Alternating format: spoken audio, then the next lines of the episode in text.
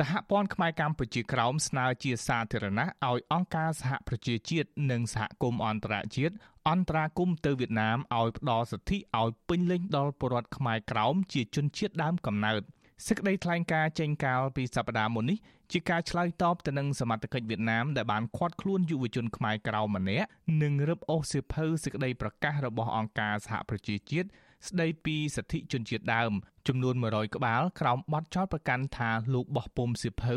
ដោយគ្មានច្បាប់អនុញ្ញាតកាលពីថ្ងៃទី13មេសាអាជ្ញាធរខេត្តវីលប្រឹសដែលវៀតណាមបដូរឈ្មោះជាខេត្តដុងណៃ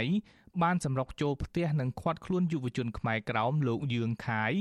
ដោយគ្មានដីកាប៉ុន្តែក្រោយមកទៀតបានដោះលែងលោកឲ្យមានសេរីភាពឡើងវិញក្រោយបានសម្លុតគម្រាមកំហែងឲ្យលោកឈប់បោះពុំសិភៅរួចមក យុវជនខ្មែរក្រោមលោកយឿងខាយធ្លាប់បានស្ម័គ្រចិត្តធ្វើការងារលើកស្ទួយសិទ្ធិមនុស្សការងារនិងសិទ្ធិបញ្ចេញមតិរបស់កម្មករនិងពលរដ្ឋខ្មែរក្រោមនៅលើទឹកដីកំណើតតាមរយៈការបង្កើតទំព័រ Facebook ឈ្មោះថាសិទ្ធិការងារខ្មែរក្រោមដើម្បីផ្ដល់ចំណេះដឹងពីច្បាប់ការងារលោកបានបោះពុំសៀវភៅស្ដីពីសិទ្ធិជនជាតិដើមដើម្បីចែករំលែកចំណេះដឹងដល់ពលរដ្ឋខ្មែរក្រោម ពាក់ព័ន្ធទៅនឹងការឃាត់ខ្លួនយុវជនយើងខាយនេះសហព័ន្ធខ្មែរកម្ពុជាក្រោមបានស្នើឲ្យសហគមន៍អន្តរជាតិជំរុញឲ្យអាជ្ញាធរវៀតណាមប្រគល់សិភៅ100ក្បាលឲ្យយុវជនខ្មែរក្រោមវិញដោយឥតលក្ខខណ្ឌនិងអនុញ្ញាតឲ្យខ្មែរក្រោមអាចបោះពុម្ពសិភៅនិងចែកសិភៅនិងឯកសារស្ដីពីសិទ្ធិជនជាតិដើម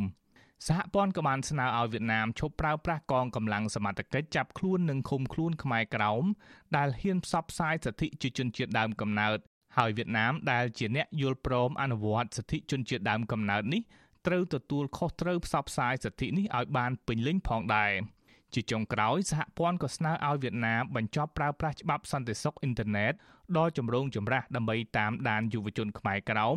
ដែលប្រើប្រាស់សិទ្ធិចែកចាយព័ត៌មានតាមបណ្ដាញសង្គមជាពិសេសព័ត៌មានស្ដីពីសិទ្ធិមនុស្សជុំវិញសំណើនេះប្រធាននាយកដ្ឋានព័ត៌មាននៃសហព័ន្ធខ្មែរកម្ពុជាក្រោមព្រះភិក្ខុសើងយើងរតនា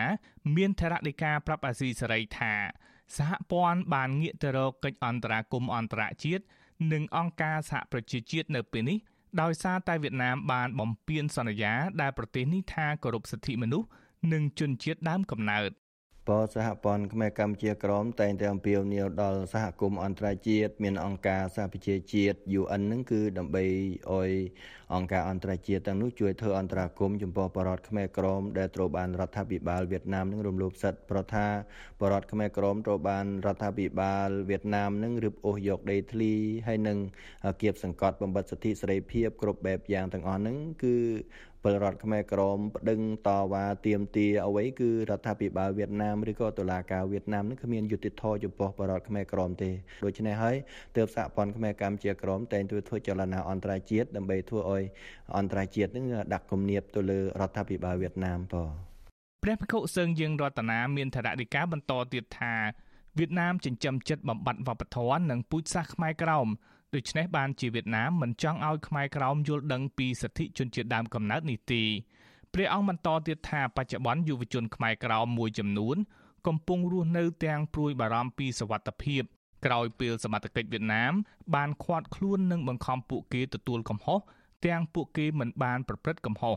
ក៏យុវជនខ្មែរក្រមបច្ចុប្បន្នគឺពួកគាត់មានទឹកចិត្តក្លាហានអង្អាចចំពោះការតស៊ូនៃសិទ្ធិសម្រេចវាសនាខ្លួនដោយខ្លួនឯងប៉ុន្តែទោះជាយ៉ាងណាក្តីពួកគាត់នៅតែបារម្ភអំពីសវត្ថិភាពដោយសារតែអាជ្ញាធរវៀតណាមតែងតែមានការរារាំងហាមឃាត់ហើយនឹងសម្លុតគម្រាមបំផិតបំភ័យហៅពួកគាត់ទៅសួរចម្លើយចុះហត្ថលេខាទទួលស្គាល់អ្វីដែលសកម្មភាពរបស់គាត់ធ្វើនៃសិទ្ធិសេរីភាពអញ្ចឹងប៉ុន្តែអាជ្ញាធរវៀតណាមនៅតែរារាំងហាមឃាត់ចំពោះសកម្មភាពរបស់គាត់ជាពិសេសគឺពួកគាត់មានការបារម្ភអំពីសវត្ថិភាពដោយសារតែអាជ្ញាធរវៀតណាមមានការគំរាមកំហែងចាប់ដាក់គុកជាដើមបងពាក់ព័ន្ធទៅនឹងសំណើរបស់សហព័ន្ធខ្មែរកម្ពុជាក្រោមឲ្យសហគមន៍អន្តរជាតិជួយអន្តរាគមន៍ខ្មែរក្រោមនេះយុវជនយើងខាយស្នើឲ្យវៀតណាមសងសិភៅលោកមកវិញនិងសងជំងឺចិត្តលោកដោយសារតែពេលអាញាធរខាត់ខ្លួនលោកលោកមិនបានទៅធ្វើការងារហើយបាត់បង់ប្រាក់ចំណូលជាច្រើនថ្ងៃ លោកបន្តថាបច្ចុប្បន្នសមត្ថកិច្ចវៀតណាមកំពុងតាមឃ្លាំមើលគ្រប់សកម្មភាពរបស់លោកហើយលោកកំពុងព្រួយបារម្ភពីសុវត្ថិភាពដែរចាប់តាំងពីចុងឆ្នាំ2020រហូតមកទល់សប្តាហ៍ថ្ងៃមានយុវជនខ្មែរក្រោមជាច្រើនរូបត្រូវបានសមត្ថកិច្ចវៀតណាមផាកពិន័យមិនអោយនិយាយរឿងប្រវត្តិសាស្ត្រខ្មែរក្រោមនិងផ្សព្វផ្សាយពីសិទ្ធិជនជាតិដើមកំណើតរបាយការណ៍សិទ្ធិមនុស្សរបស់ក្រសួងការបរទេសអាមេរិកឆ្នាំ2020 ផ្សាយកាលពីពេលថ្មីថ្មីនេះបង្ហាញថាបញ្ហារំលោភសិទ្ធិមនុស្សនៅវៀតណាមបន្តកើតឡើងយ៉ាងធ្ងន់ធ្ងរដូចជាការសម្លាប់ផ្នែកនយោបាយដោយខុសច្បាប់ និងយ៉ាងអនាធបត័យការធ្វើទរណកម្មដោយភ្នាក់ងាររដ្ឋចាប់និងឃុំខ្លួនយ៉ាងអនាធបត័យការរំលោភសិទ្ធិបញ្ចេញមតិសារព័ត៌មានអ៊ីនធឺណិតការប្រមូលផ្ដុំ និងការបង្ខំឲ្យមានពលកម្មកុមារជាដើមរបាយការណ៍រកឃើញទៀតថាចំពោះជនជាតិដើមកំណើត រួមទាំងខ្មែរកម្ពុជាក្រោមដែលរស់នៅតាមដីសណ្ដទន្លេមេគង្គផងនោះបន្តរងគ្រោះពីការធ្វើទុកបុកម្នេញតាមដាន និងសម្លុតបំភ័យការធ្វើទរណកម្មពីសំណាក់អាជ្ញាធរវៀតណាមនេះហើយបានបណ្ដាលឲ្យពលរដ្ឋជនជាតិដើម